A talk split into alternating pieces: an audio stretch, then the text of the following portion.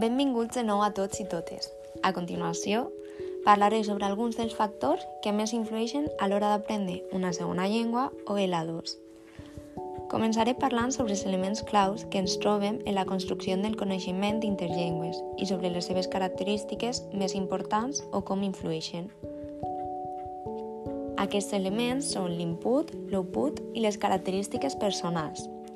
L'input podem classificar-lo en quantitat i qualitat i es pot definir com la meta a la qual té accés l'alumne durant l'aprenentatge d'aquest idioma, a partir del qual pot seleccionar, extreure regles i crear un nou llenguatge que anirà incorporant a poc a poc.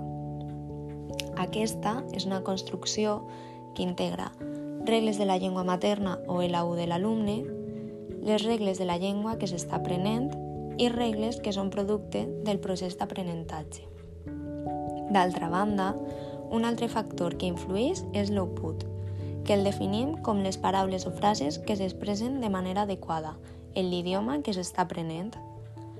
Per a finalitzar amb aquests factors, les característiques personals de l'aprenent, com són l'edat, si es comença a integrar aquesta llengua quan són més petits o en edat més adulta, la motivació personal que cada un tingui i els repets que s'haga proposat, l'actitud i aptitud enfront de l'aprenentatge de la llengua, la personalitat o l'ús d'estratègies també són un factor que influeixen a l'hora d'aprendre una L2 i que depenent d'alguns d'aquests factors que he anomenat, ens serà més o menys fàcil aprendre-la.